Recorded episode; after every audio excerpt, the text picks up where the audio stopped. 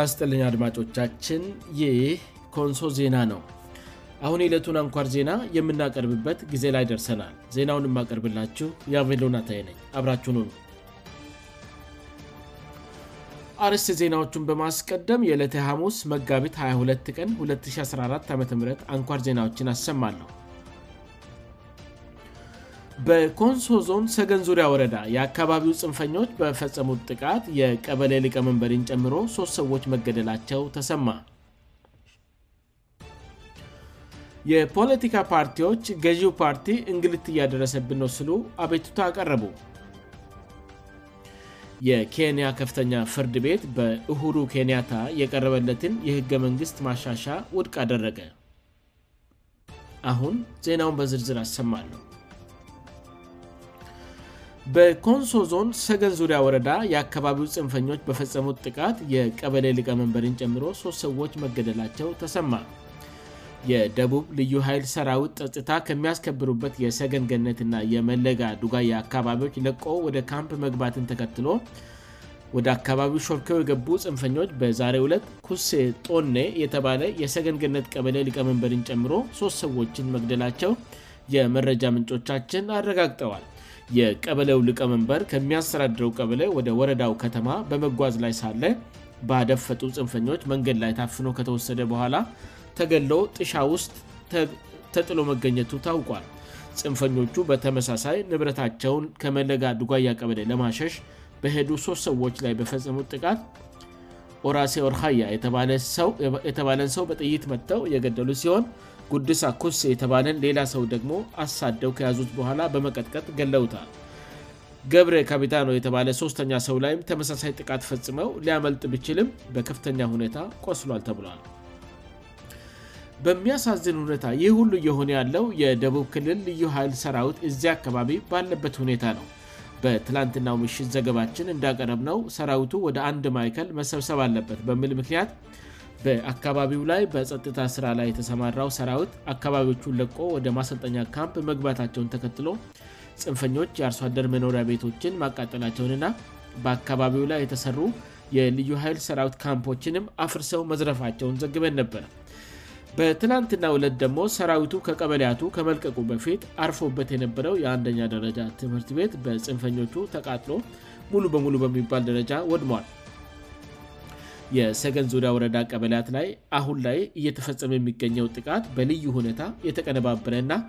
ብዙ ተዋናዮች ያሉበት እንደሆነ የሚያስመስሉ ብዙ ማሳያዎች አሉ የግጭት አስማሚያዎች በወረዳው ዳግም መታየት የጀመሩት ባለፈው ቅዳሜ መጋቢት 17 ቀን 2014 ዓም ገረመው ገለበው የተባሉ የሰገን ዙሪያ ወረዳ የገበዩ ጽፈት ቤት ኃላፊ በምግብ ቤት ውስጥ በጥይት ተደብድቦ መገደሉን ተከትሎ ነበር ቀጥሎ በነጋታው ይሁድ መጋቢት 18 ቀን 2014 ዓም መልሴ በተባለ ቦታ ላይ የአካባቢ ምልሻዎች ላይ ድንገት በተከፈተ ጥቃት አንድ ሰው ተገደለ የግጭት አዝማሚያዎች በፅንፈኞቹ እየተፋፋሙ ባሉበት በዚህ ሁኔታ ከሰኞው መጋቢት 19 ጀምሮ የልዩ ኃይል ሰራዊት የጸጥታ ሥራ ከሚሰሩባቸው የሰገን ዙሪያ ወረዳ ቀበልያት ወደ ካምፕ መግባት ሲጀምሩ ወዲያው ቤቶች መቃጠላቸውን የምዘግበን ነበር ቅንጭት መኖሩን የሚያሳዩ ሁኔታዎች በዚህ አላበቁ ፅንፈኞቹ ሰፊ ጥቃት እንደሚፈጽሙ በሚያስታውቅ ሁኔታ መረጃ ም አሻራ ሚዲያ እና ኢትዮ3 ስሳ የተባሉ ፅንፈኛ ሚዲያዎች ሐሰተኛ የፈጠራ ዜና በመስራት ኦነግሸኔ እና ኮንስታ የተባለ ታጣቂ ቡድን ጉማይደ ገብተው በጋራ ጥቃት ከፈቱ የሚል ዜና አስቀድመው አሰራጩ ይህው ዛሬ የልዩ ኃይል ሰራዊት በበቂ ሁኔታ በአካባቢው ላይ ሰፍረው ባሉበት ሁኔታ የሶስት ንጹሐን ሰዎች ህይወት እንደ ዋዛ ተቀጥፏል የአካባቢው ነዋሪዎች ለኮንሶ ዜና በሰጡት አስተያየት የመንግስት የጸጥታ ኃይል እያለ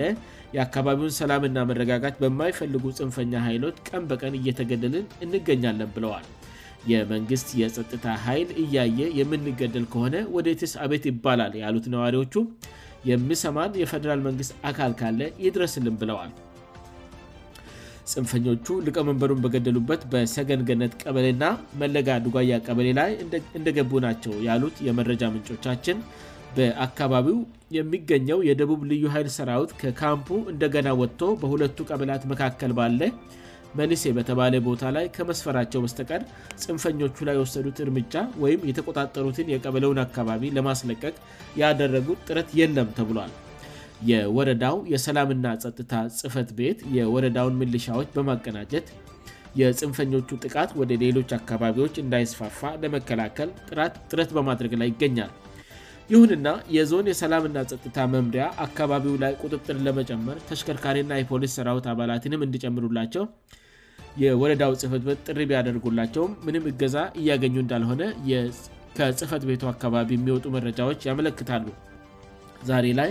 ከዞን ሰላምና ፀጥታ መምሪያና ምልሻ ጽፈት ቤት ወደ ሰገን ዙሪያ ወረዳ የመጡ ሁለት ባለሙያዎችም መረጃ ብቻ ሰብስበው አፍታም ሳይቆዩ ወዲያው ተመልሶ መሄዳቸው ተገልጿል በኮንሶ ህዝብ ላይ የተከፈተውን የሚዲያ ና የግልጽ ጦርነት አዋጅ የደቡብ ክልል መንግሥት እንኳን ሆነ ብሎ ጆሩ ዳባ ብሎ የህዝቡን ጩኸት ለመስማት ፈቃደኛ ባይሆን የዞን መንግሥት ለአካባቢው ልዩ ትኩረት በመስጠት ይህን ጥቃት በጋራና በጽናት መመከት ያስፈልጋል የደቡብ ክልል መንግስት ግጭቶቹ እንድባባሱ የሚፈልግ መሆኑን በሚያስመስል ሁኔታ የአካባቢው አመራር በማያውቅበትና ባልተጠበቀ ሁኔታ ከግጭት ቀጠናዎች ላይ በተለይም ከኮንሶ አካባቢዎች ግጭቶች ባልቆሙበት ሁኔታ ሰራዊቱን ማንቀሳቀሱ ሰሞኑን መነጋገሪያ ሆኗል ሰራዊቱ እንዲለቅ በተደረገባቸው ቦታዎች ሁሉ ግጭቶች እያገረሹ ህይወት እየጠፋና ንብረትም እየወደመ ይገኛል ይህ ኮንሶ ዜና ነው የፖለቲካ ፓርቲዎች ገዢው ፓርቲ እንግልት እያደረሰብን ነው ስሉ አቤቱቷ አቀረቡ በተለያዩ የአገሪቱ ክፍሎች የሚንቀሳቀሱ የፖለቲካ ፓርቲዎች ገዢው ፓርቲ ብልጭግና በተለያዩ መንገድ የመብት ጥሰት እየፈጸሙባቸው እንደሆነ አቤቱቷ አቅርበዋል የኢትዮጵያ ብሔራዊ ምርጫ ቦርድ ከአገራዊና ከክልላዊ የፖለቲካ ፓርቲዎች ጋር ማክሰኞ መጋቢት 20 ቀን 2014 ዓም በተለያዩ አጀንዳዎች ላይ በአዲስ አበባ ውይይት አካሄዷል በውይይቱ ተሳታፊ የነበሩ የተለያዩ የፖለቲካ ፓርቲ ተወካዮች በገዢው ፓርቲ የመንግሥት ማዋቅር አማካይነት በአባላቶቻቸው ላይ እስራት ግድያእና የተለያዩ አይነት ዛቻዎችእና ማስፈራሪያዎች እንዲሁም ከስራ ገበታቸው እየታገዱ እንደሆነ ተናግረዋል የራያ ራዩማ ፓርቲ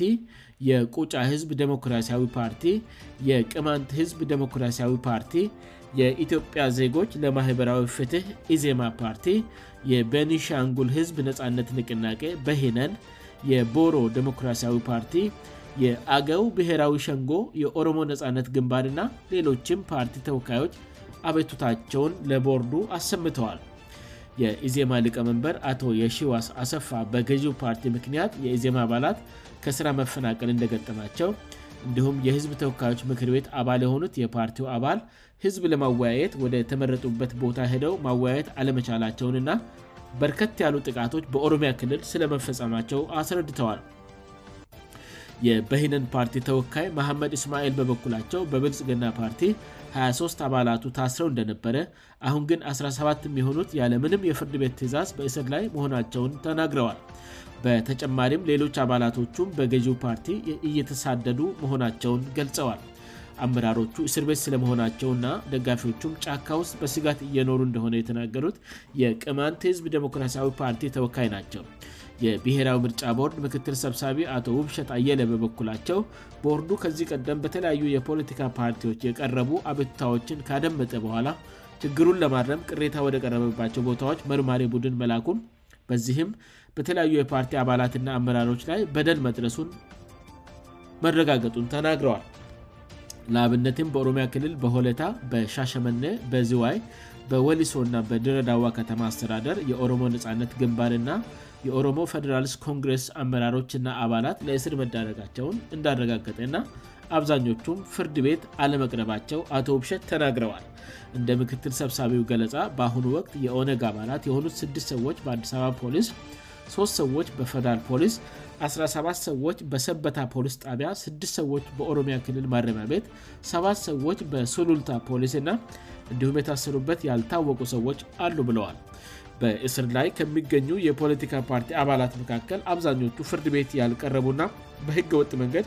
የተያዙ እንደሆኑ አክለው ገልጸዋል ክስ የቀረበበትን ብልጽግና ፓርቲ አስመልክቶ ምላሽ የሰጡት የፓርቲው ተወካይ የታሰሩ ሰዎችን በተመለከተ ሁኔታውን እያጣራ ነው በቀጣይ በዝርዝር እናቀርባለን ብለዋል ይሁን እንጂ የምርጫ ቦርድ ሰብሳቢ ወይዘሪት ብርቱካን ሚደቅሳ ብልጽግና ፓርቲ ጉዳዩን አጣራለው ማለት ከጀመረ በርከት ያለ ጊዜ እንደወሰደበት በተለያዩ ጊዜያት በቦርዱ በሚጠሩ ውይይቶች ብልጽግናን የሚወክሉ አካላት እየተቀያየሩ መምጣታቸው እንቅፋት እየፈጠረ መሆኑንም ተናግረዋል ለአብነትም የካቲት 24 ቀን 2014 ዓም በወርዱ በጠራው ስብሰባ ተሳትፈው የነበሩት የብልጭግና ፓርቲ ከፍተኛ ኃላፊ አቶ ዛድግ አብረሃ ጉዳዩን አጣርተን እርምጃ እንወስዳለን ብለው እንደነበረ ወይዘርት ብርቱካን አስታውሰዋል በመሆኑም በብልጭግና ፓርቲ በኩል ለጉዳዩ በቂ ትኩረት እየተሰጠ ያለመሆኑን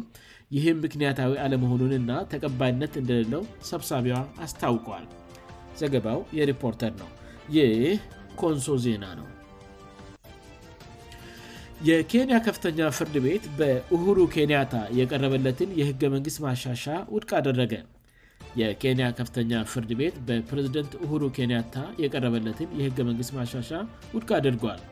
ሰባት ዳኞች የተሰየሙበት ፍርድ ቤቱ ፕሬዝደንት ኡሁሩ ኬንያታ የጀመሩትን ህገ መንግሥት የማሻሻል ሂደት ውድቅ በማጥረግ ከአሁን ቀደም ያሳለፈውን ውሳኔ አጽንተዋል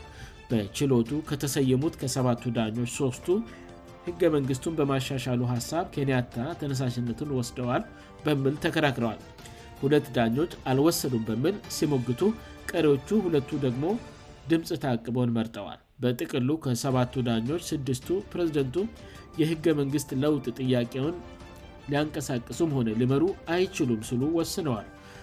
ቢውልዲን ብሪጅ ኢኒሽቲቭ በምል የቀረበው የማሻሻ ሀሳብ ይህ ህገመንግስታዊ ነው ሲሉም ነው ዳኞቹ ያስቀመጡት ከፍተኛ ፍርድ ቤቱ በአሳለፍ ነው ግንቦት ውጥኑን ውድቅ አድርጎ ነበር ፕሬዚደንቱ ግን በማንፈቃድ የማይመለከታቸውን ሂደት እንደጀመሩት በመጠየቅም በህግ ልጠየቁ እንደሚችሉም አሳስፈውትም ነበር በወቅቱ ሆኖም ፕሬዝደንት ኬንያታ ከምርጫ በኋላ የሚያጋጥመውን ደመፋሰስ ከማስቀረት ማሻገር አካታች የፖለቲካ አውድን ለመፍጠር ያስችላል በሚል ተከረክረዋል ማሻሻው አስፈፃሚው የመንግሥት አካል በአዲስ መልክ እንዲዋቀር የሚጠይቅ ነው የሀገሪቱ ፓርላማ አባላትም ወይም የፓርላማ ወንበር ቁጥር ከ290 ወደ 360 ከፍ እንድልም ሀሳብ ያቀርባል ነገር ግን ማሻሻው በፕሬዝደንቱ ለሚመራው የሀገሪቱ የአስፈፃሚ አካል የበለጠ ሥልጣን የሚሰጥ ነው በሚል ተተችተል ሁሩ ራሳቸውን የበለጠ በሥልጣን ኮርቻ ላይ ለማደላደል ያደረጉት ነው በሚል በምክትላቸው በዊሊያም ሩቶ ሳይቀር ተተችተዋል ሩቶ በ2017 የኬንያ ምርጫ ነበር በራሳቸው በሁሩ ኬንያታ አቅራብነት ምክትል ፕሬዝደንት ሆነው የተሾሙት ነገር ግን ይህ በሆነ በአመቱ ኬንያታ ከቀዳሜ የፖለቲካ ተቀናቃኞቻቸው ከ77 ዓመቱ አዛውንት ራይላ ኦዲንጋ ጋር አዲስ የአጋድነት ስምምነት ፈጽመዋል የሀገሪቱን ህገ-መንግስት የማሻሻል ሂደቱንም ከዚን ወዲህ ነው የጀመሩት ይህ ሩቶኒም አላስደሰታቸው ስምምነቱ የማሻሻል ሂደት መጀመር ራይላ በፕሬዝደንትነት የሚመረጡ ከሆነ በስምምነቱ መሠረት ኡሁሩ የጠቅላይ ሚኒስትርነቱን ቦታ ለመያዝ እንዳስቡ የሚያሳይ ነው የሚሉ ጭምጭምታዎችም አልጠፉም የ6 ዓመቱ ኬንያታ ከወር በፊት የራይላ ኦዲንጋን ፕሬዝዳንታዊ እጩነት መደግፋቸው የሚታወስ ነው የራይላ ድጋፍ ያገኘው የእሁሩ ጥረት በፍርድ ቤቱ ተቀባይነት ቢያገኝ ኖሮ በመጪው ነሐሴ ከሚካሄደው ፕሬዝደንታዊ ምርጫ በኋላ ህገ-መንግሥቱን ያሻሽሉ ነበር ሆኖም ፍርድ ቤቱ አራት ዓመታት ያስቆጠረውን ጉዳይ ውድቅ አድርጎታል ይህም ዊልያም ሩቶን መሰል ፖለቲከኞችን ጨምሮ ውጥኑን ለተቃውሞ ሁሉ ትልቅ ነገር እንደሆነ ነው የተነገረው የኬንያ ህገ-መንግሥት ለመጨረሻ ጊዜ የተሻሻለው በፈረንጆቹ በ2010 ዓ ም ነበር ይህ ኮንሶ ዜና ነው አድማጮቻችን ዜናውን ከማብቃት በፊት አርስት ዜናዎቹን በድጋሚ ያሰማለሁ በኮንሶ ዞን ሰገን ዙሪያ ወረዳ የአካባቢው ጥንፈኞች በፈጸሙት ጥቃት የቀበለ ሊቀመንበርን ጨምሮ ሶስት ሰዎች መገደላቸው ተሰማ የፖለቲካ ፓርቲዎች ገዢው ፓርቲ እንግልት እያደረሰብን ነው ሲሉ አቤቱታ አቀረቡ የኬንያ ከፍተኛ ፍርድ ቤት በኡሁሩ ኬንያታ የቀረበለትን የህገ መንግሥት ማሻሻ ውድቅ አደረገ ዜናው በዚያ አበቃ አድማጮቻችን የዕለቱ አንኳር ዜናዎቻችን ይህን መስሉ ነበር ስላዳመጣችሁን እናመሰግናለን ኮንሶ ዜና ሰኞ ምሽት በተመሳሳይ ዝግጅት እንደሚጠብቁ ተስፋ አድርጋል እስከዚያው በደና ቆዩ